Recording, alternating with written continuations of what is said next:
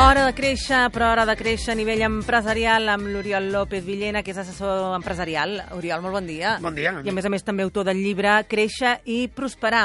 I nosaltres volem prosperar eh, amb l'empresa. Aviam. I per què moltes vegades l'empresa que porta 40 anys funcionant, o més, molt sí. temps fun- funcionant, però que, per exemple, eh, ja es considera una empresa que hauria de ser consolidada, sembla encara una startup?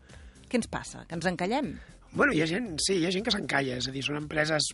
És curiós, eh?, perquè a vegades et trobes amb empreses molt grans, fins i tot empreses grans, eh? O sigui, no, no necessàriament perquè porti 40 anys, o sigui, no necessàriament perquè la considerem una startup, és una empresa petitona. Empreses que a vegades facturen 10, 15, 20 milions d'euros, però se segueixen gestionant com si fossin startups. Què vol dir?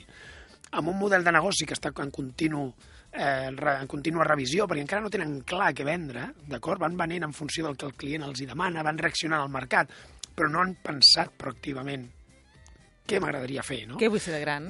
què vull ser de gran. I l'altra cosa és que continua sent, continua sent una empresa que depèn molt del cap, molt. Continua depenent molt de l'empresari, eh, és ell, si ell se n'anés sis mesos l'empresa s'enfonsaria, i clar, això és una empresa que no pot créixer a llarg termini. Pot créixer, però pot arribar un moment que cremi el- l'empresari. Són aquests empresaris que diuen tinc ganes de jubilar-me i deixar-ho tot perquè Sí. estic fins als nassos de tot, no? Sí. Pues són aquests. Clar, i això és el pitjor per a una empresa. Clar, sí, és el pitjor perquè al final és una empresa que no arriba mai a la maduresa. O sigui, és, és la sensació que ha, és molt frustrant. Tenir una empresa que veus que portes molts anys, que portes molt de temps, que va creixent, però que no acabes de gaudir-la. Jo recordo un client meu que em deia deia, ostres, que fa 10 anys que vaig, construir, vaig crear l'empresa i facturo més, eh, tinc molta més gent contractada, però segueixo jo personalment tenint exactament el mateix ja no només de diners, sinó també sobretot de temps i de, i de gaudi. Clar, això és una empresa amb síndrome de startup, no? És, és continues pensant com una empresa petita. Què has de començar a pensar? Has de començar a pensar en, en alliberar també el teu temps, no? Perquè és la manera de que l'empresa creixi. La manera que l'empresa creixi és que no depengui de tu, tinguis un equip, gent que faci la teva feina, gent que faci feina de més alt Perquè si nivell. no tu sempre faràs de tap. Clar, sempre seràs un coll d'ampolla. I començar a mirar la informació, com, es, com alguna vegada ho hem comentat, no? És a dir, començar a mirar les dades de manera habitual, no, no com una petita empresa que, bueno, que bueno, ja anirem mirant un cop a l'any, un cop al trimestre, no, no. Començar a tractar la informació com el que és, una eina per prendre decisions.